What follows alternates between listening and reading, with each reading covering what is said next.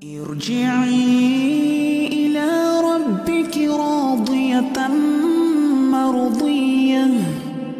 فادخلي في عبادي. وادخلي جنتي.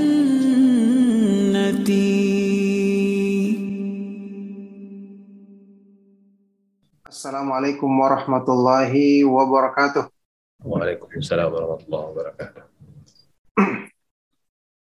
Nahmaduhu wa nasta'inuhu wa nastaghfiruh wa na'udzu billahi min shururi anfusina wa min sayyiati a'malina. May yahdihillahu fala mudhillalah wa may yudlil fala hadiyalah.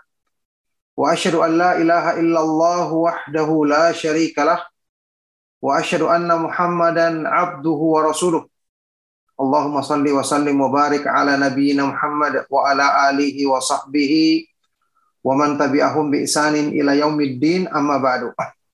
Alhamdulillah ma'asyiral ikhwah wal akhwat fid din rahimakumullah, ikhwan dan akhwat serta kajian sahabat ilmu darmais rahimakumullah. Alhamdulillah kita bersyukur kepada Allah Subhanahu wa taala atas semua limpah nikmat dan karunia-Nya. Alhamdulillah di malam hari yang berbahagia ini kita dipertemukan kembali dalam majelis ilmu yang mulia di dalam lanjutan kajian kita membahas kitab yang sangat bermanfaat kitab Fiqhul Asmaul Husna buah karya dari guru kita Syekh kita Syekh Abdul Razak bin Abdul Musin Al-Abbad Al-Badar hafidhahumallahu taala.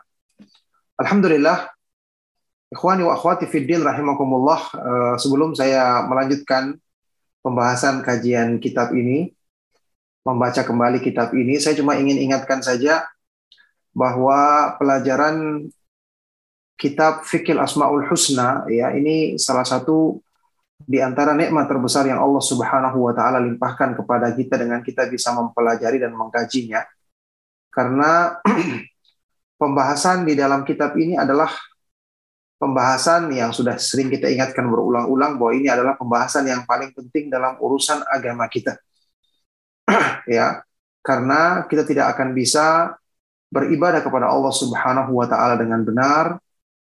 Kita tidak akan bisa mewujudkan keikhlasan, mewujudkan tiang-tiang utama penopang iman, cinta, takut dan berharap kepada Allah Subhanahu wa taala kecuali dengan kita mengenal Allah Subhanahu wa taala sesuai dengan apa yang Allah perkenalkan dirinya kepada kita di dalam ayat-ayat Al-Qur'an di dalam dan di dalam hadis-hadis yang sahih dari Rasulullah Shallallahu alaihi wasallam berupa nama-namanya yang maha indah dan sifat-sifatnya yang maha tinggi. Kita ingatkan kembali makna firman Allah Subhanahu wa taala di surat Fatir. A'udzubillahi minasyaitonirrajim innama yakhshallaha min ibadihi al-ulama. Sesungguhnya yang takut kepada Allah Subhanahu wa taala di antara hamba-hambanya hanyalah orang-orang yang berilmu. Orang-orang yang mengenal Allah Subhanahu wa taala, ay al-ulamaul arifuna bihi, orang-orang yang mengenal dan mengetahui tentang Allah Subhanahu wa taala. Imam Ibnu Katsir rahimahullah taala berkata, li'annahu kullama kanatil ma'rifatu billahi atamma wal ilmu bihi akmala kanatil khasyatu lahu a'zama wa akthar. Dikarenakan setiap kali pengetahuan seorang hamba tentang Allah semakin sempurna dan pengenalannya terhadap Allah Subhanahu wa taala semakin tinggi, maka otomatis rasa takutnya ketakutannya kepada Allah Subhanahu wa taala, ketakwaannya kepada Allah Subhanahu wa taala semakin besar dan semakin semakin kuat pula. Maka ini yang selalu menjadi motivasi kita untuk berusaha bersabar memahami ilmu yang agung ini. Bersabar berusaha untuk mempelajarinya, mengulang-ulanginya karena inilah kunci kita bisa meraih ketakwaan kepada Allah Subhanahu wa taala. Beberapa kali saya menukilkan pernyataan Imam Ibnu Qayyim rahimahullah taala yang menjelaskan tentang agungnya menempuh memahami Islam melalui jalur memahami nama-nama dan sifat-sifat Allah Subhanahu wa taala ini. Beliau berkata, "As-sairu ilallahi min tariqil asma'i was sifati sya'nuhu ajabun wa fathuhu ajab." wa sahibuhu qad siqat lahu sa'adatu wa huwa mustalkin ala firashihi min ghairi ta'abin wala magdud. Berjalan menuju Allah Subhanahu wa taala, mendekatkan diri mendekatkan diri kepada Allah Subhanahu wa taala. Keadaannya sangat mengagumkan. Pembukaan pintu-pintu kebaikan dari jalur ini sangat luar biasa. Orang yang melakukannya ya akan digiring kepadanya berbagai macam kebahagiaan dan kebaikan dengan dia cukup tidur terlentang di atas tempat tidurnya tanpa bersusah-susah dan tanpa berpayah-payah. yakni ketika dia mengamalkan amalan disertai dengan pengenalan terhadap Allah Subhanahu wa taala di hatinya, maka amalnya akan bernilai besar. akan berlipat ganda keutamaannya dibandingkan orang yang tidak memiliki pengetahuan tentang Allah Subhanahu wa taala sehingga tidak tidak bisa menumbuhkan rasa cinta, takut dan berharapnya kepada Allah Subhanahu wa taala. Oleh karena itu, di sini saya ingin ingatkan kembali tentang agungnya berusaha memahami nama-nama dan sifat-sifat Allah Subhanahu wa taala. Melalui buku yang kita kaji ini buku atau kitab yang sangat bermanfaat ini yang ditulis oleh Syekh Abdul Razak ini. Cuman ya tentu kita perlu bersabar mengulanginya. Dan yang paling penting atau tidak kalah pentingnya adalah mempraktekannya sewaktu kita membaca ayat-ayat Al-Qur'an. Ya belum lama kita meninggalkan bulan Ramadan bulan yang penuh dengan keutamaan dan kemuliaan bulan Al-Quran, di sinilah kita mempraktekkan. Kita baca Al-Quran pelan-pelan. Sewaktu kita berhenti kepada nama-nama dan sifat-sifat Allah, kita ingat pelajaran kita. Oh ini nama Allah yang maha indah, kandungannya seperti ini, penjabaran maknanya seperti ini. Wallahi demi Allah dengan cara seperti ini kita akan menyembuhkan penyakit hati kita. Kita akan menumbuhkan rasa takut yang benar kepada Allah, pengharapan yang benar kepada Allah, cinta yang benar kepada Allah, tawakal, ridho, dan semua unsur-unsur yang menopang keimanan. Ya. Jadi ikhwan dan akhwat fiddin, peserta kajian sahabat ilmu darmais rahimakumullah, kita tahu ketika Rasulullah SAW menyebutkan dalam hadis-hadis yang sahih tentang keutamaan hati, at-taqwa hahuna, takwa terletak di sini. Sambil beliau menunjuk ke dalam dadanya tiga kali. Rasulullah Shallallahu Alaihi Wasallam bersabda, tentang hati. Idza salahat salahal jasadu kullu wa idza fasadat fasadal jasadu kullu. Kalau hati itu benar, semua anggota badan akan benar. Kalau hati itu rusak, semua anggota badan akan rusak. Apa maksudnya di sini? Hati yang menjadi penentu kebaikan semua anggota badan. Hati yang merupakan tempat takwa yang sesungguhnya. Maksudnya di sini amalan-amalan hati itu yang menentukan semua. Tidak akan bermanfaat amalan anggota badan kita kalau tidak didukung dengan amalan hati. Dan sekarang apa yang bisa menghidupkan amalan hati kita? Tidak lain adalah mengenal Allah Subhanahu wa taala. Karena hati itu akan semakin baik, akan semakin sempurna, akan semakin sehat jika dia benar-benar tunduk kepada Rohnya. Jika dia benar-benar mengenal Allah Subhanahu wa taala. Jika dia benar-benar beribadah kepada Allah Subhanahu wa taala disertai dengan cinta, takut dan berharap Imam Ibnu Qayyim rahimahullah taala dalam kitab Ighathatul Lahfan pernah mengatakan la hayata lil qalbi wala sa'adata wala faraha wala surura illa an yakuna Allahu huwa ilahahu wa ma'budahu wa ghayata matlubihi wa ahabba ilaihi min mimma siwahu. Tidak ada kehidupan bagi hati manusia wala solaha, tidak ada kebaikan, tidak ada kesenangan, tidak ada kegembiraan. Kecuali jika dia benar-benar telah mengenal Allah Subhanahu wa taala, menjadikannya sembahan satu-satunya, mencintainya, menjadikannya sebagai puncak tujuannya dan yang paling dicintainya melebihi dari segala sesuatu yang ada di dunia ini. Maka bagaimana mungkin kita mencintai Allah kalau kita tidak mengenal kemahaindahan nama-nama dan kemahasempurnaan sifat-sifatnya. Kalau kita tidak mengenal rincian dari penjabaran, kemahatinggian dan kemahasempurnaan nama-nama dan sifat-sifatnya, maka sungguh dengan kita mengkaji kitab ini kita akan membuka di hati kita pintu kebaikan yang terbesar. Ya, gerbang utama menuju kesempurnaan iman. Makanya kita bersabar dengan segala keterbatasan saya sebagai yang menyampaikan materi ini antum bersabar karena alhamdulillah bukunya juga ada di hadapan kita ya meskipun terjemahan kita baca kita bisa berusaha sama-sama untuk memahami dan kita bisa berusaha sama-sama untuk bertanya hal-hal yang kita kurang paham ya. Maka kita bersabar. Kita berharap kepada Allah Subhanahu wa taala semoga meskipun kita tentu tidak mengatakan sempurna dalam kesungguhan menuntut ilmu agama sempurna dalam mempelajari misalnya kandungan kitab ini karena kekurangan kita, kekurangan saya sebagai yang menyampaikan materi, kadang-kadang jika kita kurang konsentrasi atau mungkin kita kurang mengulangi pelajaran di rumah, tapi kita berharap kalau kita sungguh-sungguh ingin mengenal ilmu yang agung ini maka Allah Subhanahu wa taala membalas kita dengan kebaikan yang sesuai dengan semangat kita. Kita ingat semua makna firman Allah Subhanahu wa taala di dalam ayat-ayat Al-Quran. Fadhkuruni azkurkum washkuruli wala. Wahai manusia, maka ingatlah kalian kepadaku, maka aku akan ingat kepadamu. Ingatlah kepadaku, maka aku akan ingat kepadamu. Dan bersyukurlah kepadaku, janganlah kalian kufur. Ada balasan dari jenis perbuatan. Berusaha untuk mengingat Allah, berusaha untuk mengenal Allah. Balasannya, Allah akan mengingat kita, yakni Allah akan memudahkan pertolongannya kepada kita.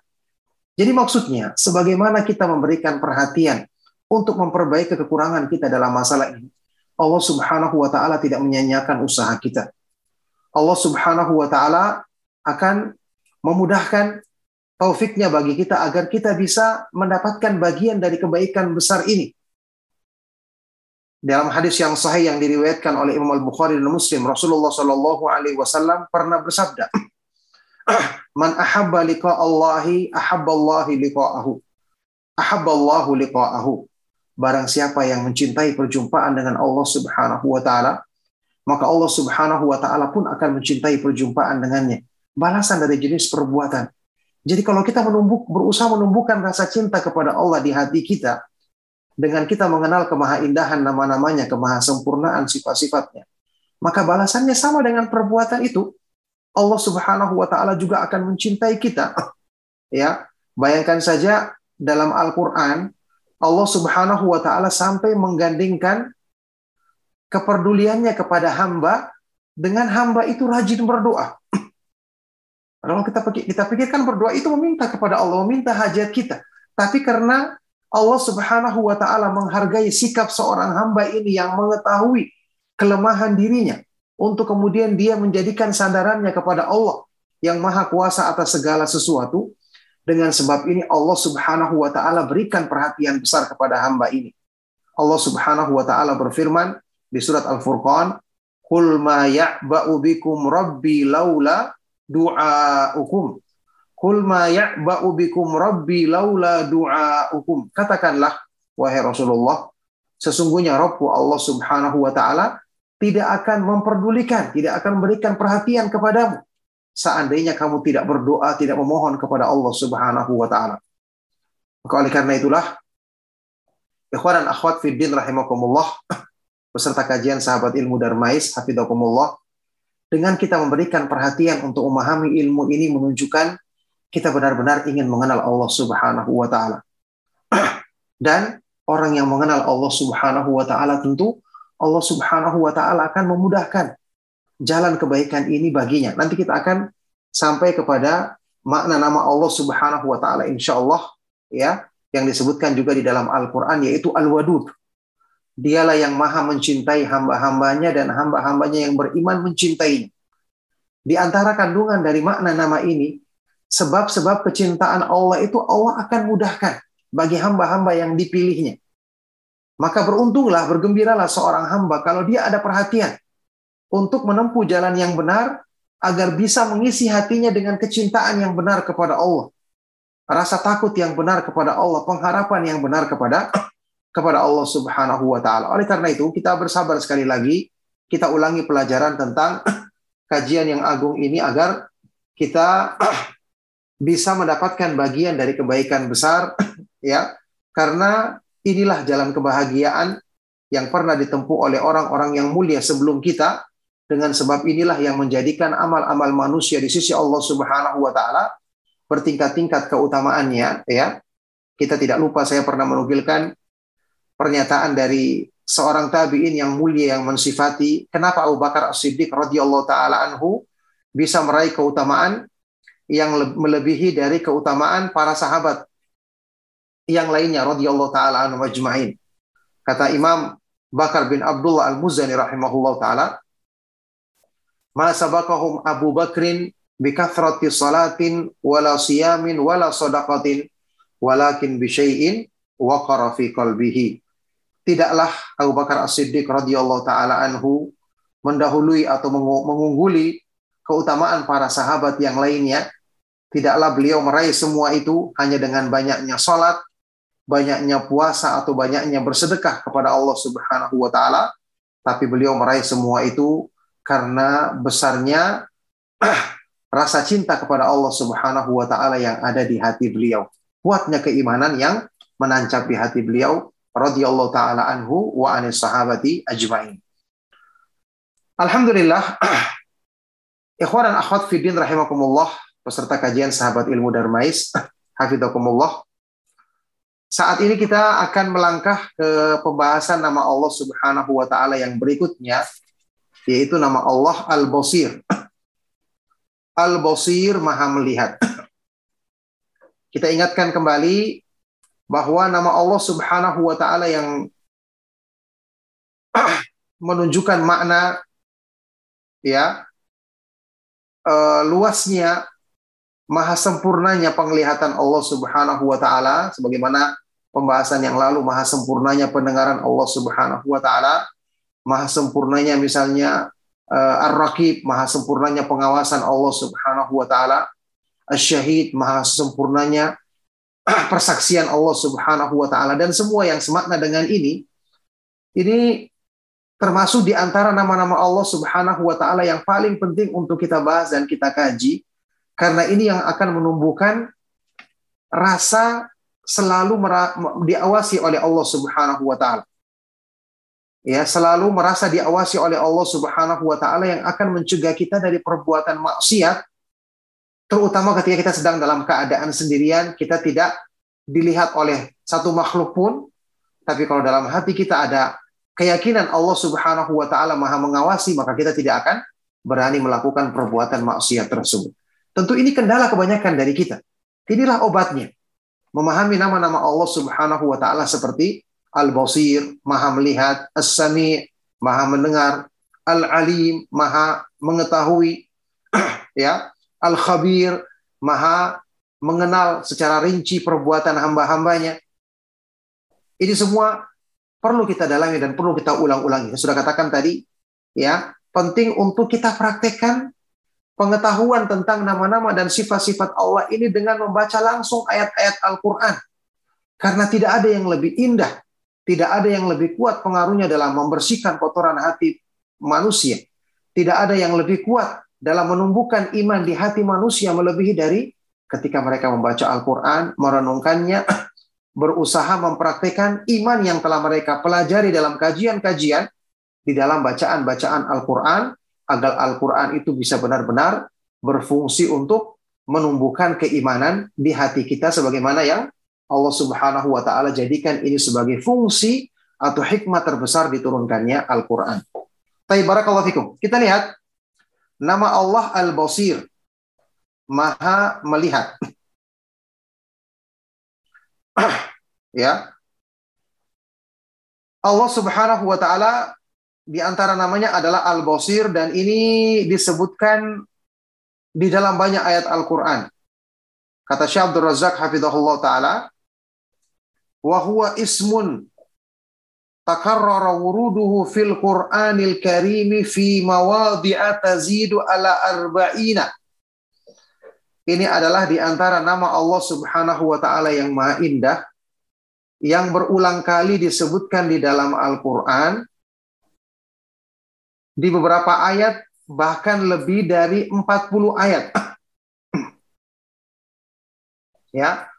Tentu minha di antaranya adalah firman Allah Subhanahu wa taala di ayat yang selalu kita ulang-ulang Asy-Syura ayat ke-11 Laisa kamitslihi syai'u wa huwas samiul basir. Tidak ada sesuatu pun yang serupa dengan Allah Subhanahu wa taala dan dia maha mendengar lagi maha melihat. Dia maha mendengar lagi maha melihat. Jelas Al-Basir adalah termasuk nama Allah Subhanahu wa taala ya yang disebutkan di dalam ayat Al-Qur'an. Wa ta'ala di ayat yang lain surat An-Nisa ayat 58. Innallaha kana sami'an basira. Sesungguhnya Allah Subhanahu wa taala Maha mendengar lagi Maha melihat. ya. Sami'an basira juga Allah Subhanahu wa taala sebutkan untuk manusia. Karena memang secara pengertian sami artinya yang memiliki pendengaran. Basir artinya memiliki penglihatan. Manusia pun memiliki pendengaran dan penglihatan. Faja'alnahu sami'an basira. Kami jadikan manusia itu bisa mendengar dan bisa melihat. Disebutkan di surat Al-Insan. Cuma tentu kalau kita artikan untuk manusia, pasti kita katakan pendengaran dan penglihatan manusia sesuai dengan keadaan manusia. Dia bisa mendengar tapi terbatas pendengarannya. Bisa melihat terbatas penglihatannya. Makanya untuk Allah Subhanahu wa taala kita artikan Maha mendengar dan Maha melihat karena pendengaran dan penglihatannya maha sempurna dan meliputi semua semua makhluknya. Baik. Di surat Al-Baqarah ayat 265. Wallahu bima ta'maluna basir. Dan Allah Subhanahu wa taala Maha melihat apa yang kamu lakukan. Nah, di surat Ali Imran ayat 15, wallahu basiru bil ibad dan Allah Subhanahu wa taala Maha melihat hamba-hambanya. Coba ayat-ayat seperti ini, jemaah sekalian rahimakumullah, kita baca, kita renungkan. Kita sentuhkan ke hati kita kandungannya. Wallahi akan menumbuhkan rasa takut. Waktu kita sendirian pun takut karena yang mengawasi kita adalah yang maha kuasa untuk menimpakan segala keburukan kepada kita seandainya dia mengandakinya. Ini akan menumbuhkan rasa takut di hati kita akan pengawasan Allah Subhanahu wa taala. Kemudian di surat Al-Mulk ayat ke-19. Innahu bikulli syai'in basir. Sesungguhnya Allah Subhanahu wa taala Maha melihat segala sesuatu maha melihat semua makhluknya. Di surat Ash-Shura ayat ke-27. Ash-Shura ayat ke-27, Innahu bi'ibadihi khabirun basir. Sesungguhnya Allah Subhanahu wa taala Maha mengetahui dan Maha melihat keadaan hamba-hambanya. Kemudian di surat Al-Isra ayat ke-17. Wa kafa bi rabbika bidunubi ibadihi khabiran basira. Dan cukuplah Allah Subhanahu wa taala terhadap dosa-dosa yang diperbuat hamba-hambanya, dia maha mengetahui dengan rinci dan maha melihat semua itu. Surat Al-Isra ayat yang ke-17. nah, jadi ayat-ayat ini contoh di antara banyak ayat-ayat Al-Quran yang lebih dari 40 ayat Al-Quran yang menjelaskan tentang atau menyebutkan tentang penetapan nama Allah Subhanahu wa taala Al-Basir sebagai sebagai salah satu dari nama-nama Allah Subhanahu wa taala yang maha indah. Baik. Jadi Al-Basir. Kemudian diterangkan di sini oleh Syekh Abdul Razak hafizahullah taala tentang maknanya.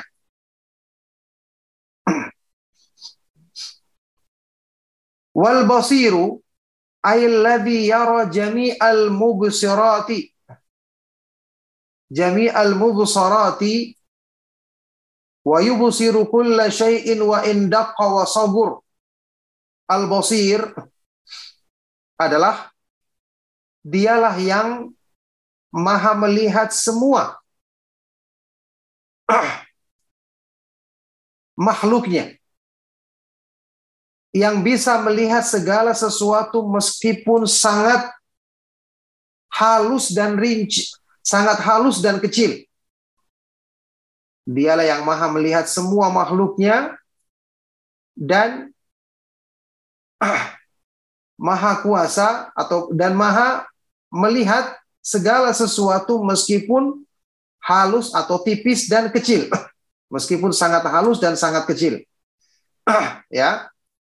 Fayubsiru dabiban namlatis saudai ala sakhratis samma'i fi lailatil dhalma. Maka Allah Subhanahu wa taala misalnya dia Maha melihat merayapnya seekor semut hitam di atas batu cadas yang hitam di malam yang gelap gulita. Ya, ini batunya saja tidak kelihatan. ya. Semutnya dalam keadaan terang saja susah dilihat, apalagi ini di kegelapan malam yang gelap gulita di atas batu hitam. Wa yara majarid majaril quti fi a'dha'iha. Bahkan Allah Subhanahu wa taala melihat beredarnya makanan di dalam tubuh makhluknya di dalam tubuh seekornya seekor semut tadi. Wa yara jarayana dami fi urukiha. Dia maha melihat darah yang mengalir di dalam pembuluh-pembuluh darah manusia atau pembuluh darah semut tersebut. Wa yubsiru ma tahta tahtal ardina sab'i kama yubsiru ma fawqa samawati sab'. Dia maha melihat semua yang ada di bawah permukaan bumi yang tujuh lapis sebagaimana dia maha melihat segala sesuatu yang ada di atas langit-langit ketujuh. Wa yara tabaraka wa ta'ala taqallubat taqallubatil ajfani wa khayanatil uyuni. Dan Allah Subhanahu wa taala Maha melihat berbolak-baliknya berbolak-baliknya hati manusia dan pandangan-pandangan mata yang berkhianat. ya, Allah Subhanahu wa taala melihat hal-hal yang tersembunyi apalagi hal-hal yang jelas dan terang-terangan ya dari keadaan keadaan hambanya. Oleh karena itu ini salah satu di antara ya nama Allah Subhanahu wa taala yang maha indah yang menjadikan seorang hamba senantiasa yakin kalau dia melakukan satu kebaikan maka Allah Subhanahu wa taala melihatnya dan Allah Subhanahu wa taala akan maha kuasa memberikan balasan kepada perbuatan hamba tersebut sekecil apa pun dan tersembunyi apa pun amal tersebut dilakukan oleh hambanya. Nah, baik. Qala Ibnu Qayyim rahimahullah taala, Imam Ibnu Qayyim rahimahullah taala berkata ketika menjelaskan makna nama Allah Subhanahu wa taala ini dalam kitab beliau Tariqul Hijratain. Beliau berkata al-basiru alladhi likamali basarihi yara tafasil al-khalqi khalqi dzarrati saghirati wa a'dha'iha wa lahmiha wa damiha wa mukhiha wa urukiha. Al-Basir yang maha melihat. Dia adalah zat yang karena sempurnanya penglihatannya maka dia maha melihat semua detail ya semua detail tubuh dari semut kecil semut yang sangat kecil. Ya. Anggota badannya, dagingnya, darahnya, otaknya dan urat-urat di tubuhnya. Ya, ini semut yang kecil saja. Kita bisa melihat tubuhnya saja ini sudah sangat susah. Allah Subhanahu wa taala mengetahui rincian dari apa yang ada di tubuh semut yang sangat kecil tersebut. Anggota badannya, dagingnya, darahnya, otaknya, dan urat-uratnya. ala sakhr ala fi dan Allah Subhanahu wa taala Maha melihat ketika semut ini merayap ya di atas batu cadas yang hitam ya di malam yang sangat yang sangat gelap gulita. Jadi untuk menggambarkan tentang kesempurnaan penglihatan Allah Subhanahu wa taala ya maka Allah Subhanahu wa taala maha sempurna tidak ada satupun yang luput dari penglihatannya sampai makhluk yang sekecil adzarrah yaitu semut atau binatang yang sangat yang sangat kecil sekali. Baik. Walaqad ahsana man qala. Sungguh sangat benar ucapan seorang penyair yang mengatakan di sini Ya man yara saffal ba'udi janahahu fi dhalmatil lailil bahimil aliyali wa yara manata uruqiha fi fi nahriha wal mukha min tilkal idhamin nuhali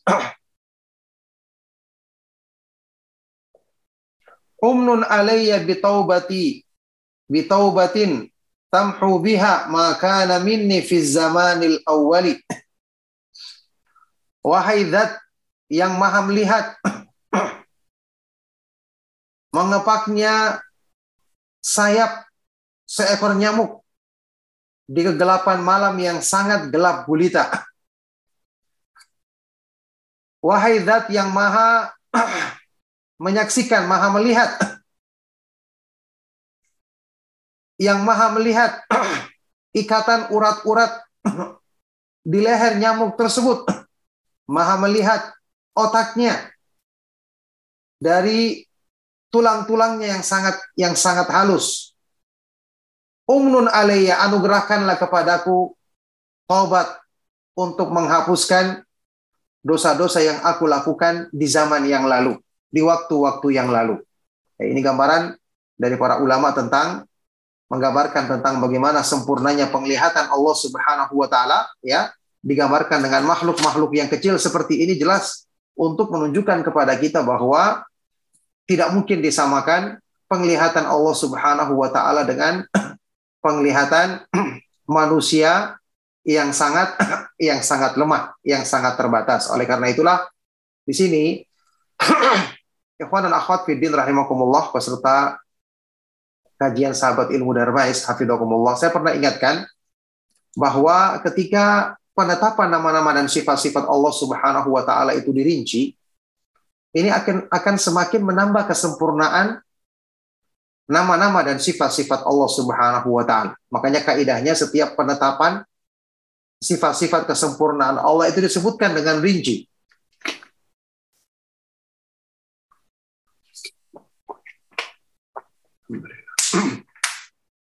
Beda dengan sifat penafian. Penafian itu lebih baik kalau disebutkan dengan uh, mujmal atau global, secara garis besar saja. kalau penetapan disebutkan dengan rinci, ya, karena dengan kita semakin mengenal rincian sifat-sifat kesempurnaan Allah, pengagungan kita ketundukan kita dan ketergantungan kita kepada Allah Subhanahu wa taala semakin besar. Ya. Contoh yang berhubungan dengan sempurnanya penglihatan dan pendengaran. ya. Secara tabiat manusia ketika dia ingin meminta sesuatu dalam semua keadaannya, ya. Kalau dia mengetahui Allah Subhanahu wa taala dan meyakini Allah Subhanahu wa taala Maha mendengar segala keluhannya, permohonannya dalam keadaan bagaimanapun dia, maka dia akan semakin yakin untuk meminta kepada Allah Subhanahu wa taala di setiap saat dalam segala keadaannya dalam semua keluhannya. Makanya karena kelemahan inilah sembahan-sembahan yang disembah selain Allah Subhanahu wa taala tidak pantas untuk diserahkan peribaratan kepada mereka. Ingat Nabi Allah Ibrahim alaihi salatu wassalam ketika membantah ayahnya dan kaumnya yang menyembah kepada selain Allah, dia berkata kepada mereka, dia berkata kepada ayahnya alaihi salatu wassalam, Ya abati lima ta'budu ma la yasma'u wa la yubsiru wa la yughni anka syai'an.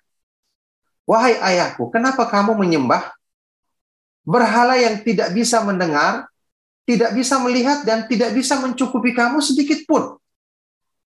Ya, bagaimana kamu menyeru dia sementara dia tidak bisa mendengar? Jarak jauh sedikit dia sudah samar pendengarannya. Tidak bisa melihat, bagaimana dia mengetahui kemudian menolong kamu? dan juga tidak bisa mencukupi memberikan kecukupan kepadamu sedikit pun. Jadi ternyata di sini Nabi Ibrahim alaihissalatu wassalam dengan kecerdasannya tentu setelah taufik dari Allah Subhanahu wa taala ketika dia membantah kesyirikan yang dilakukan oleh ayahnya dan kaumnya, dia menyebutkan kekurangan yang ada pada berhala-berhala tersebut sekaligus ini menunjukkan bahwasanya yang maha sempurna dalam hal memberikan kecukupan dalam hal mendengarkan, melihat, mengabulkan permohonan hamba-hambanya. Itu Allah Subhanahu wa taala dialah satu-satunya yang pantas untuk disembah, yang pantas untuk selalu kita menghadapkan diri kepadanya, yang pantas untuk kita selalu memohon pertolongan dan berlindung bersandar kepadanya. Makanya semakin kita mengenal Allah dengan kerincian, kesempurnaan sifat-sifatnya pasti akan menjadikan hati kita semakin kuat dan mantap bersandar kepadanya. Nah, baik. Wa mimma yajibul imanu bihi annahu tabaraka wa ta'ala yubsiru bi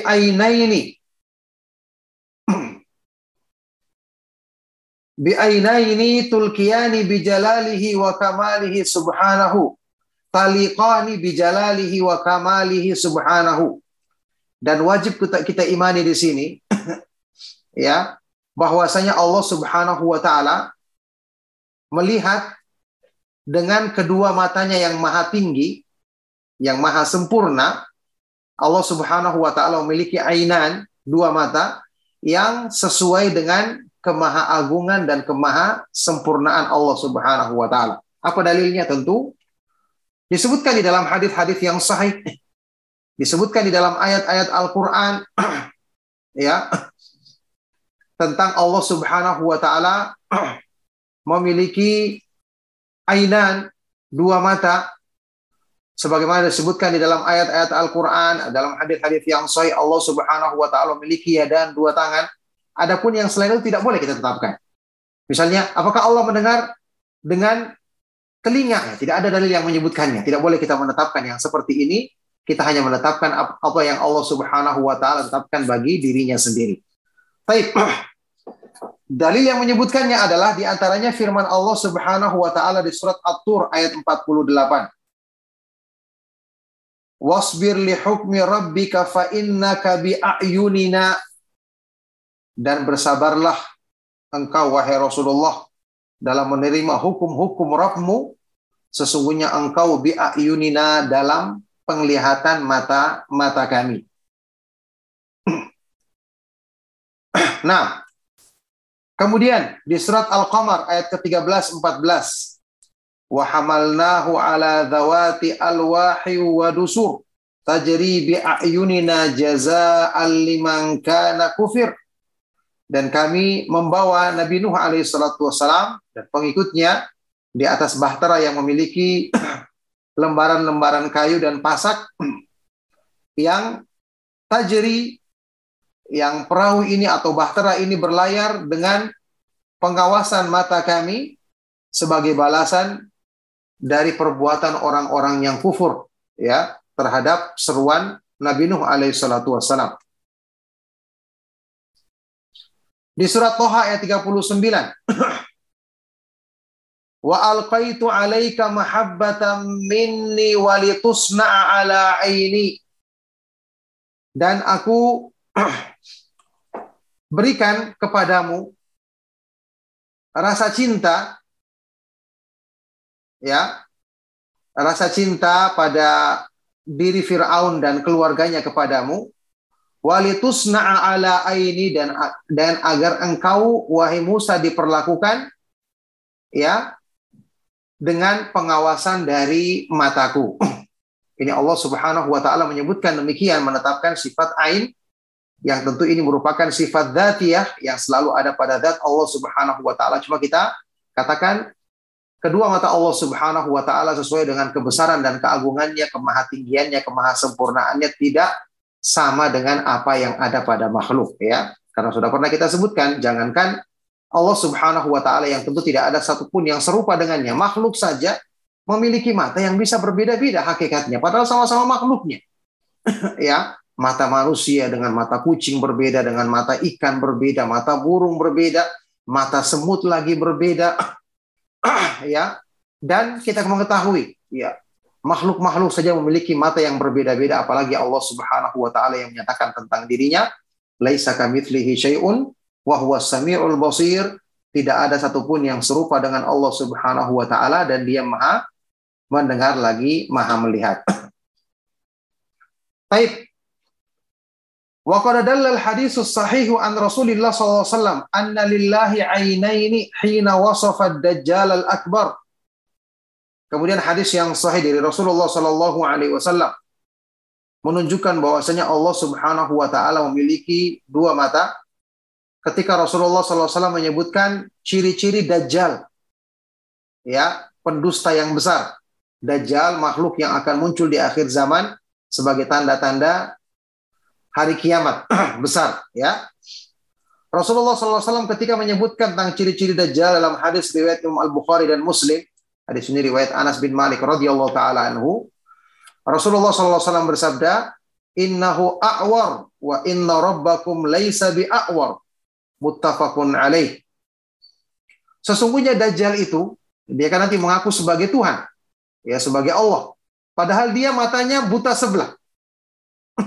A'war ya buta sebelah matanya. Dan sesungguhnya Rob kalian Allah Subhanahu wa taala tidak buta sebelah matanya. Allah Subhanahu wa taala memiliki dua mata dan tidak buta sebelah matanya seperti Dajjal.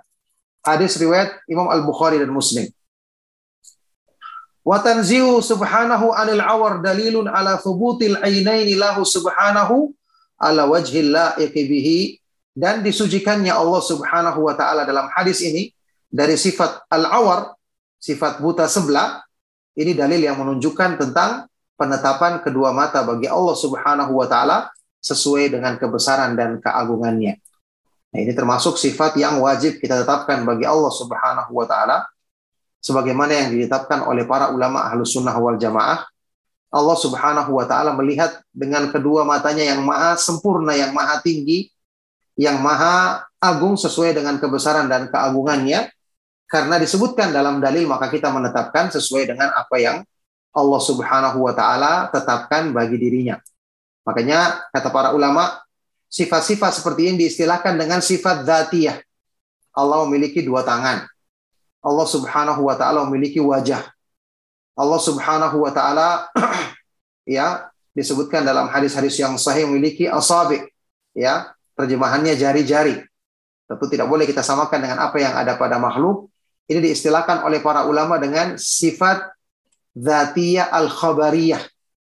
Sifat-sifat yang ada pada zat Allah Subhanahu wa taala yang kita tetapkan sesuai dengan berita ya dari hadis-hadis yang sahih dari Rasulullah Shallallahu alaihi wasallam. Nah, di sini ada penjelasan yang dinukilkan dari Imam Ibnu Huzaimah di dalam kitab At-Tauhid. Qala al-Imam Ibnu Huzaimah rahimahullah taala. Imam Ibnu Huzaimah rahimahullah taala berkata ketika menyebutkan hal ini Nahnu naqulu li rabbina nahnu naqul li rabbina ainani yubsiru bihima ma tahta thara wa tahta al-ard wa tahta al-ardi sabi'ati sufla wa ma fis samawati wa ma bainahuma min sagirin wa kabir la yakhfa alaihi khafiyah fahuwa ta'ala yara maka ma fi jawfil bihari walujajiha kama yara arsyahu alladhi huwa mustawin alaih. Nahnu nakul, kami, yani al-sunnah wal jamaah berkata, Allah subhanahu wa ta'ala memiliki dua mata yang maha sempurna, yang dengan kedua mata ini Allah melihat semua makhluknya, mata tahta yang ada ya di atas permukaan tanah, yang ada di bawah langit, eh, di bawah bumi, di bawah tujuh lapis bumi yang paling rendah, dan juga apa yang ada di langit-langit, apa yang ada di antara keduanya dari semua makhluknya yang kecil maupun yang besar. Tidak ada satupun yang tersembunyi di hadapan Allah. Maka dia Allah subhanahu wa ta'ala maha melihat apa yang ada di tengah lautan, lujaj yang ada di gelombang lautan, sebagaimana Allah subhanahu wa ta'ala melihat arsnya yang dia istiwa, beristiwa di atasnya. yakni dari makhluk yang paling rendah sampai yang paling tinggi yaitu arsnya Allah Subhanahu wa taala. Allah Subhanahu wa taala Maha melihat semuanya dengan sangat jelas dan Allah Subhanahu wa taala melihat dengan kedua mata, kedua matanya yang maha tinggi, yang maha sempurna yang sesuai dengan kemahaagungan dan kemahabesarannya. Ini penjelasan yang menunjukkan kepada kita bahwa memang para ulama ahlu sunnah wal jamaah menetapkan hal ini ya karena memang ayat-ayat Al-Quran dan hadis-hadis yang sahih dari Rasulullah Shallallahu Alaihi Wasallam menjelaskan hal ini, maka kita wajib menetapkannya sesuai dengan apa yang ditetapkan di dalam ayat-ayat Al-Quran dan hadis-hadis yang sahih dari Rasulullah Shallallahu Alaihi Wasallam. Baik, barakallahu fikum. Ma'asyiral ikhwah wal akhwat, para peserta kajian ilmu dar sahabat ilmu darmais rahimakumullah. Insya Allah cukup sampai di sini penjelasan tentang nama Allah Subhanahu wa taala Al-Basir untuk sesi kajian yang pertama insya Allah ada kelanjutannya di kajian berikutnya yang jelas ini memudahkan kita insya Allah untuk memahami makna nama Allah Subhanahu wa taala yang maha agung ini untuk menjadikan kita menetapkan nama Allah Subhanahu wa taala ini sesuai dengan kebesaran dan keagungannya yang tentu tidak sama dengan apa yang ada pada makhluk ya dan selalu ini yang kita ingatkan kaidah ahlus sunnah wal jamaah adalah masalah ini ithbatun bila tamthil wa tanzihun bila ta'til. Kita wajib menetapkannya tanpa menyerupakannya dengan makhluk sebagaimana kita wajib mensucikan Allah Subhanahu wa taala tanpa menolak sifat-sifat yang Allah Subhanahu wa taala tetapkan tetapkan bagi dirinya. Maka semua kajian kita di kesempatan malam hari ini bermanfaat dan menjadi sebab menambah ilmu yang bermanfaat untuk kita, menambah keimanan kita untuk bekal kebaikan di dunia dan di akhirat nanti. Demikianlah sebelum saya akhiri, saya persilakan jika ada hal-hal yang perlu dipertanyakan. Barakallahu fikum. Sallallahu wasallam wa barak ala nabiyina Muhammad wa ala alihi wa sahbihi wa man tabi'ahum bi ihsanin ila yaumiddin. Walhamdulillahi rabbil alamin. Nah.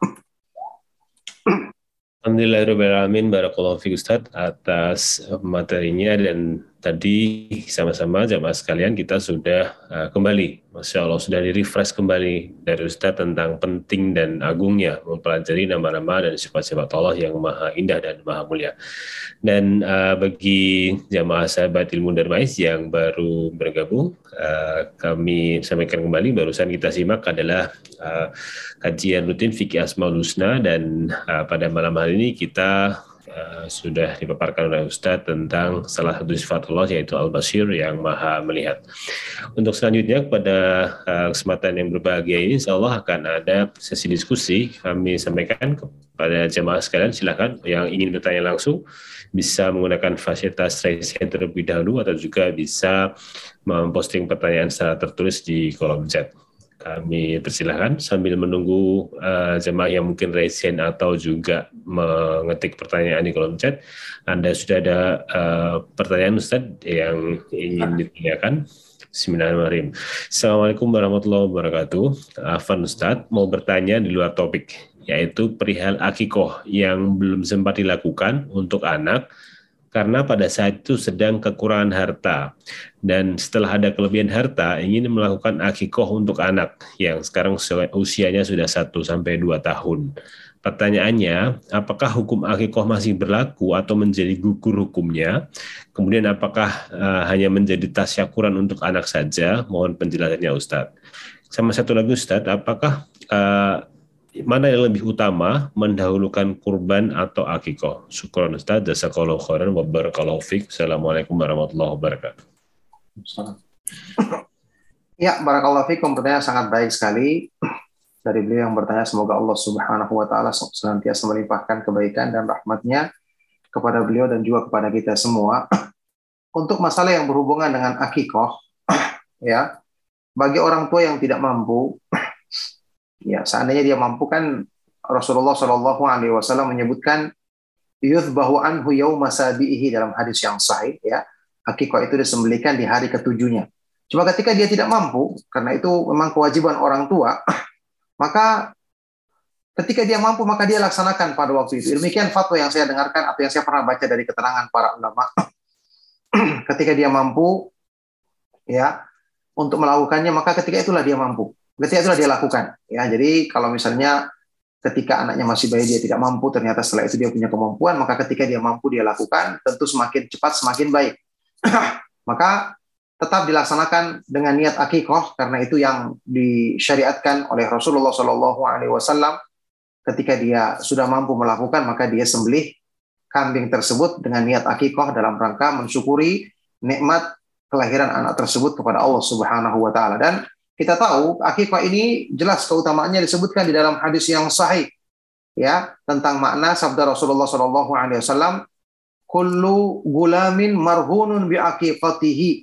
Semua bayi yang baru lahir itu terhalangi sampai ditunaikan akikahnya. Ada yang mengatakan dia terhalangi memberi syafaat kepada orang tuanya. Ada juga yang mengatakan secara umum terhalangi semua kebaikan untuk orang tuanya sampai ditunaikan akikahnya. Oleh karena itu ketika orang tua mampu hendaknya dia segera melakukan akikoh untuk anak tersebut. ya, menyembelikan kambing bagi laki-laki dua ekor, bagi perempuan satu. Baik. Kemudian mana yang lebih afdol berkurban atau akikoh? ya. Kalau bisa dilakukan kedua-duanya maka lakukan kedua-duanya. ya. Karena hukum dari masing-masingnya menurut pendapat yang terkuat wajib. Cuman kalau seandainya misalnya bertepatan dengan waktu berkurban dan dia punya kemampuan satu ekor saja, maka ya dalam hal ini dia dahulukan apa yang sudah merupakan waktunya saat itu. Ya, dahulukan apa yang dia sudah merupakan waktunya saat itu. ya misalnya uh, kalau bertepatan uh, waktunya itu adalah waktu berkurban, maka dia dahulukan untuk dahulukan untuk berkurban. Apalagi kita ketahui berkurban juga ada waktu-waktu yang terbatas di setiap setiap tahunnya. Nah, kalau seandainya waktu tersebut sudah ber, sudah bertepatan dengan waktu akikoh, misalnya sudah hari ketujuhnya, maka dan mampunya waktu itu, maka dia lakukan sesuai dengan yang sesuai dengan e, bertepatan dengan waktunya saat itu. Nah, jadi kalau bisa dilaksanakan semua sekaligus, maka tentu itu adalah yang terbaik. Kalau tidak, maka dia laksanakan sesuai dengan apa yang sudah bertepatan dengan waktunya saat itu. Para kawan Nah, Waalaikumsalam warahmatullahi Alhamdulillah, insya Allah bisa dipahami. Uh, ada susulan pertanyaan ini Ustaz, berkaitan dengan bawah tadi. Uh, kalau misalnya orang tua itu tidak berkecukupan harta, kemudian kita sudah dewasa dan uh, kita ada rezeki, apakah kita boleh melakukan akikah untuk diri kita sendiri, Ustaz? Nah, Ya, masalah uh, berakikah untuk diri sendiri ini adalah perbedaan ada perbedaan pendapat di kalangan para ulama. Saya pernah baca pendapat yang dikuatkan oleh Syekh Al-Albani rahimahullah taala bahwa beliau mengatakan disyariatkan bagi seseorang yang mengetahui dirinya belum diakikahi oleh orang tuanya entah karena orang tuanya tidak mampu atau karena mungkin orang tuanya belum paham hukumnya atau alasan lain maka disyariatkan bagi dia untuk mengakikahi dirinya sendiri dan berdalil dengan sebuah hadis yang sahih dari Anas bin Malik radhiyallahu taala anhu Rasulullah shallallahu alaihi wasallam Anas bin Malik radhiyallahu taala anu berkata berkata karena Rasulullah sallallahu alaihi wasallam anna Rasulullah sallallahu alaihi wasallam aqa'an nafsihi ba'da ma bu'itsa bin nubuwah. Rasulullah sallallahu alaihi wasallam mengakikoi diri beliau sendiri ketika beliau telah diutus menjadi nabi. Ya, sudah dewasa, ya. Dan ini hadisnya sahih. Ada sebagian jalur atau riwayat yang semakna dengan ini hadisnya sangat lemah. Tapi Syekh Al-Albani rahimahullah taala menyebutkan jalur yang benar-benar sahih dari riwayat hadis ini untuk menunjukkan bahwasanya hal ini disyariatkan karena ini yang dicontohkan oleh Rasulullah Shallallahu Alaihi Wasallam dan juga ternyata ini merupakan fatwa dari beberapa para ulama tabiin yang memperbolehkan hal tersebut. Barakallahu fikum. Nah, Fikum barakallah. Alhamdulillah, insya Allah uh, bisa menjawab apa yang sudah disampaikan oleh penanya kita. Selanjutnya sudah ada salah satu jamaah kita yang uh, ingin bertanya langsung melalui raise hand. Kami persilakan uh, Abu Zaki Tawadol. Silakan di unmute. Baik, terima kasih. Assalamualaikum warahmatullahi wabarakatuh. Waalaikumsalam warahmatullahi wabarakatuh. Eh, langsung saja Ustadz ya. Eh, tadi dikatakan bahwasanya Allah itu maha melihat. Kita yakin bahwasanya Allah maha melihat. Namun di saat kita mungkin hawa nafsu kita lebih tinggi, akhirnya kita bermaksiat kepada Allah. Nah, yang menjadi pertanyaannya, keimanan kita kepada Allah di saat mas di saat kita bermaksiat itu di mana Ustadz? Padahal kita kan yakin kalau Allah Maha melihat kita, mengetahui terhadap maksiat yang kita lakukan, misal seperti itu. Maka di saat kita bermaksiat itu imannya ada di mana gitu. Mohon penjelasannya. Demikian barakallahu fikum. Ya, pertanyaan sangat bagus sekali dari beliau yang bertanya. Ya, semoga Allah Subhanahu wa taala senantiasa memudahkan kebaikan dan keberkahan ya bagi beliau dan kita semua. uh, orang yang melakukan perbuatan maksiat padahal dia meyakini Allah Subhanahu wa taala Maha melihat dan mengawasi perbuatannya. Ini selama dia masih punya iman, maka kita katakan imannya lemah. Ya, imannya lemah karena buktinya dia masih punya tak, merasa takut tapi imannya tidak kuat. Seandainya imannya kuat, rasa takutnya kepada Allah masih akan mencegah dia dari perbuatan maksiat. Manusia punya keimanan dan keyakinan yang tentu bertingkat-tingkat. ya, inilah yang mendorong seseorang tetap melakukan perbuatan maksiat meskipun dia meyakini hal tersebut tapi karena keyakinan dan imannya lemah maka masih dia melakukannya. Contoh saja dalam kehidupan kita ya sesuatu yang kita yakini itu akan mempengaruhi perbuatan kita.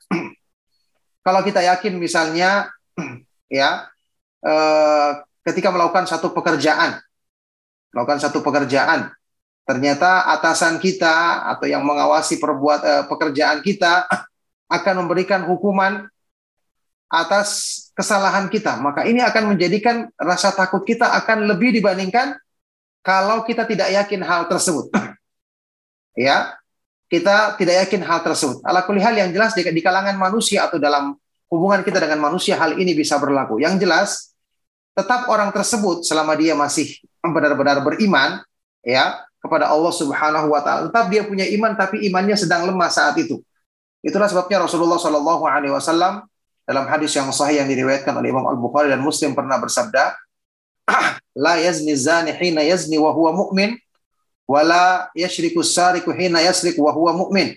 Tidaklah orang yang berzina itu, orang mukmin yang berzina dia melakukan perbuatan zina ketika dia sedang beriman dengan iman yang sempurna dan tidaklah dia melakukan seorang itu melakukan perbuatan mencuri ketika dia mencuri kalau dia dalam keadaan imannya sempurna. Tapi karena imannya ketika itu sedang lemah, imannya ketika itu sedang keyakinannya turun, maka dia pun melakukan perbuatan perbuatan maksiat tersebut. Inilah sebabnya kenapa kita harus menguatkan keyakinan karena dengan sebab ini akan menjadikan kita selalu ya eh, dengan keimanan kita selalu akan di dibentengi oleh Allah Subhanahu wa taala dari melakukan perbuatan-perbuatan maksiat tersebut. Makanya Allah Subhanahu wa taala berfirman, "Innallaha yudafi'u 'anil ladzina amanu." Sesungguhnya Allah Subhanahu wa taala akan selalu menjaga dan membela orang-orang yang beriman. Yakni penjagaan dari Allah tergantung dari kekuatan dan kesempurnaan iman yang ada di hati manusia. Nah, barakallahu fikum. Assalamualaikum barakallah. Alhamdulillah, uh, insya Allah jelas dan bisa dipahami kita semua, terutama kepada Abu Zaki yang bertanya tadi. Barakallahu fikum Ustaz. Uh, selanjutnya, kesempatan masih kami berikan kepada yang jamaah kita juga sudah ada yang raise hand. Kami persilahkan Saudara Fadilahwa. Mohon di-unmute, silahkan. Ya,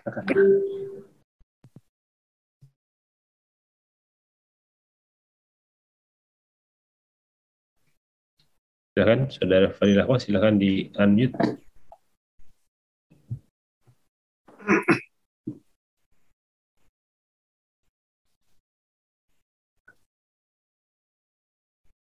Oh, mungkin ada gangguan baik. Uh, kembali kembali kita ke ke pertanyaan yang sudah masuk dulu dari kolom chat Ustaz. Silakan. Bismillahirrahmanirrahim. Assalamualaikum warahmatullahi wabarakatuh. Afwan Ustaz mau bertanya, apa hukumnya jika kita pada saat berada di mall karena ada sedikit urusan atau undangan dengan family uh, dan uh, hati kita secara pribadi menolak karena di sekitaran lingkungan mall banyak akhwat non mahram berpakaian terbuka, musik dan sebagainya dan Ana coba menghindari dan mengingkari. Dan selama di dalam mall tersebut, Ana merasa gelisah atas kaitan tersebut. Apakah termasuk dalam zina mata uh, dan bagaimana hukumnya Ustaz? Ana membentengi dengan beristighfar. Apa itu sudah sudah cukup? Uh, mohon pencerahnya. Barakallahu fikum Ustaz. Ya, Barakallahu fikum pertanyaan sangat baik dan bermanfaat sekali. ya, eh, hal-hal yang seperti ini jika berhubungan dengan hajat dan kebutuhan, tentu saja tetap kita diperbolehkan untuk membeli kebutuhan kita, misalnya ke pasar atau ke mall, ya. Tentu saja kita pastinya berusaha mencari yang lebih sedikit madorotnya. Kita cari, kita perkirakan mungkin tempat-tempat yang tidak begitu ramai, yang lebih uh, kecil resiko melihat perbuatan-perbuatan maksiat tersebut dan terpenuhi kebutuhan kita di situ. Kita pilih tempat yang seperti ini dibandingkan tempat yang lebih ramai misalnya.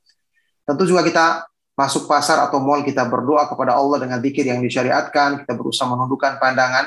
Itu yang bisa kita lakukan dengan tetap kita berusaha menjaga diri kita beristighfar kepada Allah Subhanahu wa taala dari perbuatan-perbuatan yang salah atau dosa yang kita lakukan selama berada di tempat tempat seperti itu. Barakallahu fikum. Nah, Waalaikumsalam barakallah. Alhamdulillah. Uh, insya Allah bisa dipahami kita semua. Insya Allah masih ada waktu, Ustaz. Ada beberapa pertanyaan. Silakan. Alhamdulillah. Uh, kembali ke jamaah yang sudah resen, silahkan kami persilahkan. Silahkan di unmute yang kesempatan pertama Aku Prabowo, silahkan. Assalamualaikum Ustaz. Salam. Ya, silakan. Kalau Allah melihat hambanya melakukan maksiat, kenapa Allah tidak langsung menghukum hambanya pada saat itu juga? Barakallahu fikum. Ya, pertanyaan sangat baik sekali dari beliau yang bertanya semoga Allah Subhanahu wa taala senantiasa melimpahkan dan menambah kebaikan bagi beliau dan kepada kita semua.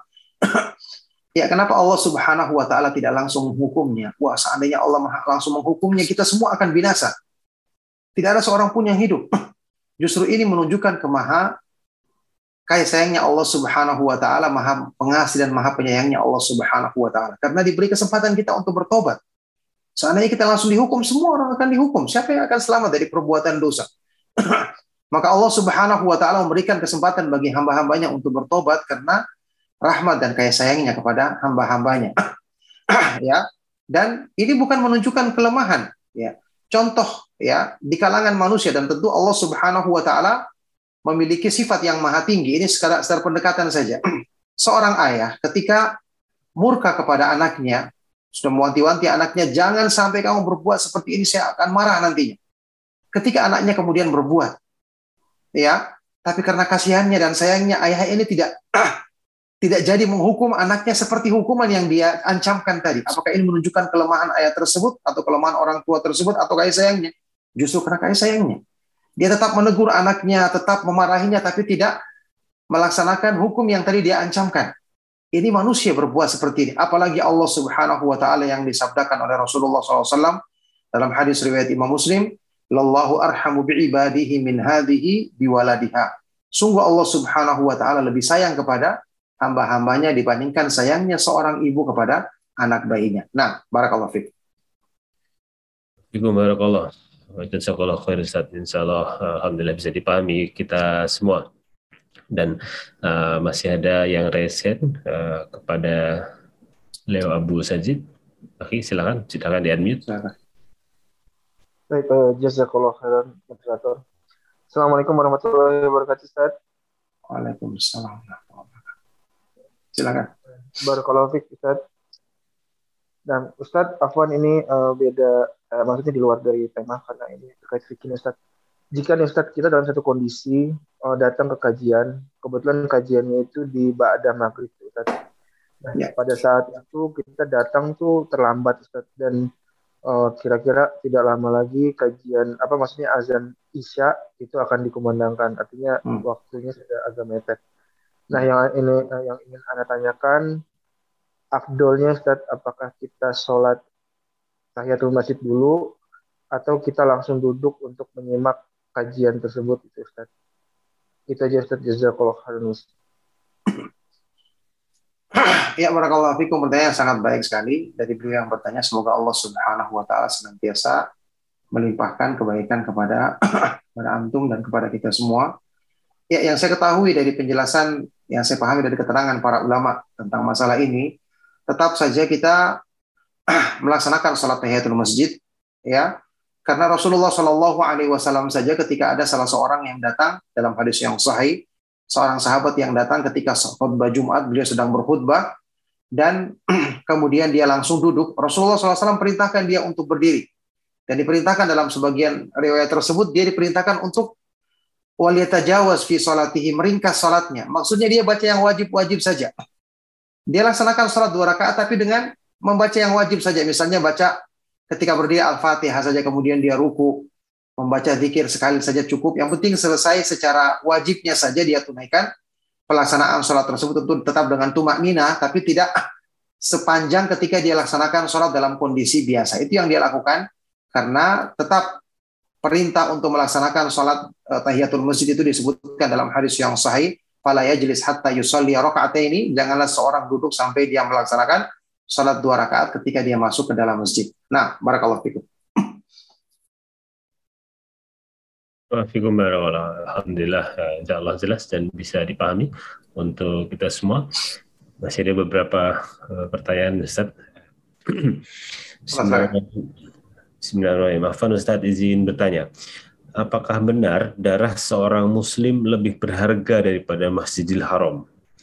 Kemudian uh, bagaimana sikap muslim di Palestina? Apakah mereka harus hijrah dan menyerahkan Masjidil Aqsa kepada Yahudi Israel atau terus berjuang sampai mati Ustaz? Jazakallah khairan Ustaz. Ya, disebutkan di dalam hadis yang sahih Rasulullah SAW bahkan menyebutkan ya zawalud dunia hilangnya dunia ini beserta isinya lebih ringan di sisi Allah Subhanahu wa taala dibandingkan tertumpahnya darah seorang muslim. Ya, tertumpah tanpa yang hak tentu saja maksudnya. ya, maka tentu saja ini menunjukkan kepada kita tentang besarnya dosa menumpahkan darah seorang muslim ya. Yang ini menjadikan kita harus berusaha menjauhi perbuatan-perbuatan buruk tersebut. Yang sehubungan dengan masalah Palestina sendiri. Pertanyaannya tadi apakah kaum muslimin di sana harus meninggalkan Palestina kemudian menyerahkan Palestina atau Masjid Al-Aqsa kepada orang Yahudi. Ini kan pernyataan yang tidak benar. Siapa yang mengatakan orang muslim menyerahkan Masjid Masjid Al-Aqsa? Apakah pantas seorang menyerahkan jangan Masjid Al-Aqsa, masjid di rumahnya, samping rumahnya kita kita serahkan semua orang kafir, begitu? Ketika Rasulullah SAW berhijrah meninggalkan Mekah ke Madinah, apakah Rasulullah SAW menyerahkan Masjidil Haram kepada orang kafir? Lebih utama mana Masjidil Haram sama Masjidil Aqsa? Kita baca sejarah kan Islam. Rasulullah SAW Masjidil Haram adalah Mekah negeri yang paling dicintai oleh Allah dan masjid yang kita ketahui paling besar keutamaannya. Ketika Rasulullah SAW dan para sahabat disiksa dan ditindas dan mereka sedang lemah, ya mungkin kita bertanya kenapa Rasulullah tidak berdoa? Apakah Allah tidak mengabulkan doanya Rasulullah SAW? Tidak demikian. Tapi ketika itu Allah Subhanahu Wa Taala dengan hikmahnya menginginkan kaum muslimin itu benar-benar ya ketika melihat kondisi kelemahan diri mereka mereka boleh berhijrah untuk menguatkan dirinya setelah itu ketika dia punya kekuatan maka dia melakukan sebab-sebab yang menjadikan turunnya pertolongan Allah Subhanahu wa taala kepada kepada diri mereka. Jadi bukan diserahkan begitu saja kemudian dibiarkan, ditinggalkan tidak. Rasulullah SAW ketika meninggalkan berhijrah ini bahkan sebagian para sahabat berhijrah dari Habasyah dulu ya kan kemudian berhijrah ke Madinah termasuk Rasulullah SAW ini meninggalkan negeri yang paling dicintai oleh Allah dan masjid yang paling agung. Ini saja diperbolehkan dalam kondisi seperti itu. Ya, maka fatwa dari para ulama dalam hal ini ketika mereka dalam keadaan lemah, dalam keadaan tertindas, meninggalkannya ke negeri lain, kemudian mereka bisa beribadah kepada Allah dengan izin Allah nanti akan Allah jadikan sebab untuk bisa mengambil kembali masjid tersebut ketika kaum muslimin telah kuat. Utamanya di sini kekuatan iman mereka. Kekuatan iman mereka, ya. Kalau mereka menegakkan tauhid, menegakkan agama yang benar, selalu mengikuti sunnah Rasulullah Alaihi Wasallam, niscaya pertolongan dari Allah Subhanahu Wa Taala sangat sangat dekat sebagaimana yang Allah Subhanahu Wa Taala janjikan di dalam banyak ayat-ayat Al-Quran dan hadis-hadis yang sahih dari Rasulullah Shallallahu Alaihi Wasallam. Nah, barakallahu fikum. Barakallah, Alhamdulillah, Insya Allah sangat jelas, Ustaz. Eh, masih ada beberapa pertanyaan Ustaz di konsep yang uh, pertama Ustaz mohon pencerahan dari salah satu akhwat kita ini Ustaz. Uh, bagaimana pandangan Islam dan apakah boleh melakukan pengobatan dengan metode hipnoterapi Ustaz? Barakallahu fikum. Ya, barakallahu fikum. Pertanyaan sangat baik sekali, cuman sayang saya nggak bisa jawab karena saya tidak tahu praktiknya. Ya, tidak mungkin saya bisa menjawab sesuatu yang saya tidak tahu uh, bagaimana teknis pelaksanaan pengobatan ini. Barakallahu fikum. Nah. Baik, uh, masih ada lagi pertanyaan Ustaz. Assalamualaikum Ustaz. Bagaimana jika kita kembali ke perihal akikoh tadi Ustaz? Bagaimana jika kita tidak mengetahui pastinya hal uh, tentang kita sudah diakikoh atau belum oleh uh, orang tua kita. Sementara kedua orang tua sudah tiada. Apakah kita boleh akikohkan diri sendiri dan apakah ada batasan usia maksimum melakukan akikoh Ustaz? Jazakallah khair. Ya, barakallahu fikum. Tentu antum berusaha dulu untuk mencari kejelasan masalah ini. Ya, ini bertanya kepada kalau orang tua sudah meninggal mungkin kepada saudaranya, ya paman atau bibi kita. Atau mungkin melihat kebiasaan di keluarga orang tua kita apakah terbiasa mereka melakukan akikah atau tidak. Karena ada sebagian keluarga mereka terbiasa melakukan ada juga yang tidak terbiasa melakukan. Jadi ada indikasi yang jelas dulu ya baru kita lakukan hal ini. Nah itu yang saya ketahui dalam masalah ini barakallahu fikum. Nah Waalaikumsalam Insya Allah ada satu pertanyaan uh, terakhir mungkin sebelum uh, kita tutup Ustaz. Assalamualaikum Ustaz, mohon pencerahan. Setelah mengikuti kajian-kajian sunnah, Alhamdulillah saya uh, jadi sangat tenang, nyaman, dan yakin dalam menjalankan sunnah-sunnah sesuai dengan pemahaman salafus saleh. Tapi Ustadz, saya jadi pilih-pilih dalam mendengarkan kajian dari Ustadz sunnah, baik di media televisi, online, maupun kajian-kajian langsung. Sementara dulu saya mengikuti kajian-kajian dari ustadz-ustadz siapa saja dari media-media tersebut. Mohon pencerahan terhadap apa yang saya lakukan tersebut Ustaz. Barakallahu fiik wa jazakallahu khairan. Ya, barakallahu fikum. Pertanyaan sangat baik sekali. Semoga Allah Subhanahu wa taala senantiasa melimpahkan kebaikan kepada antum dan kepada penanya sebelumnya juga untuk kita semua. ya, eh, dasar pemilihan tadi itu apa? Kalau saat ini dia pilih-pilih hanya sekadar karena kesukaan nafsu semata-mata ya jelas ini tidak benar. ya, jadi hukum asalnya Ustadz Sunnah yang menyampaikan kajian tetap kita berusaha untuk mengikuti kajiannya mengambil faedah darinya. Cuman ketika kita mendapati misalnya ada hal-hal yang kita inginkan atau kita membutuhkan penjelasan yang lebih ilmiah, yang lebih sesuai dengan dalil dibandingkan mungkin ada penjelasan-penjelasan dari sebagian ustadz yang mungkin hanya ringan-ringan saja, tidak memfokuskan kepada dalil dari sebagian kajian yang mungkin. Jadi kita pilih kajian-kajian yang memang kita butuhkan. Ya ini tidak mengapa, karena kita ingin menambah ilmu. ya kita ingin menambah ilmu, maka kita pilih kajian yang memang misalnya ada pembahasan tauhid secara rinci, kemudian membaca kitab sampai selesai misalnya, atau ada pembahasan dari ustadz ini yang kita lagi butuhkan saat ini karena berhubungan dengan amal ibadah yang kita ingin laksanakan misalnya, maka tidak mengapa kalau pilihannya seperti ini. ya, mungkin ada kajian-kajian yang kita sudah sering dengarkan, ya kita sementara waktu tinggalkan dulu pilih yang lain yang lebih kita butuhkan. Maka tidak mengapa kalau dasar pertimbangannya atau dia memilih seperti ini, bukan karena pertimbangan hawa nafsu. Nah, baik semoga Allah Subhanahu wa taala senantiasa melimpahkan kebaikan kepada kita dan mudah-mudahan kajian serta jawaban-jawaban pertanyaan yang antum dengarkan bisa menjadi faedah untuk kebaikan dunia dan akhirat kita. Sekali lagi mohon maaf atas segala yang salah dan kurang. Saya cukupkan sampai di sini. Sallallahu wasallam mubarak ala nabiyina Muhammad wa ala alihi wa sahbihi wa man tabi'ahum bi isanin ila yaumiddin walhamdulillahi rabbil alamin. Subhanakallahumma bihamdika asyhadu an la ilaha illa anta astaghfiruka wa atubu ilaik. Wassalamualaikum warahmatullahi wabarakatuh. Irji'i ila rabbiki radiyatan مرضية فادخلي في عبادي وادخلي جنتي.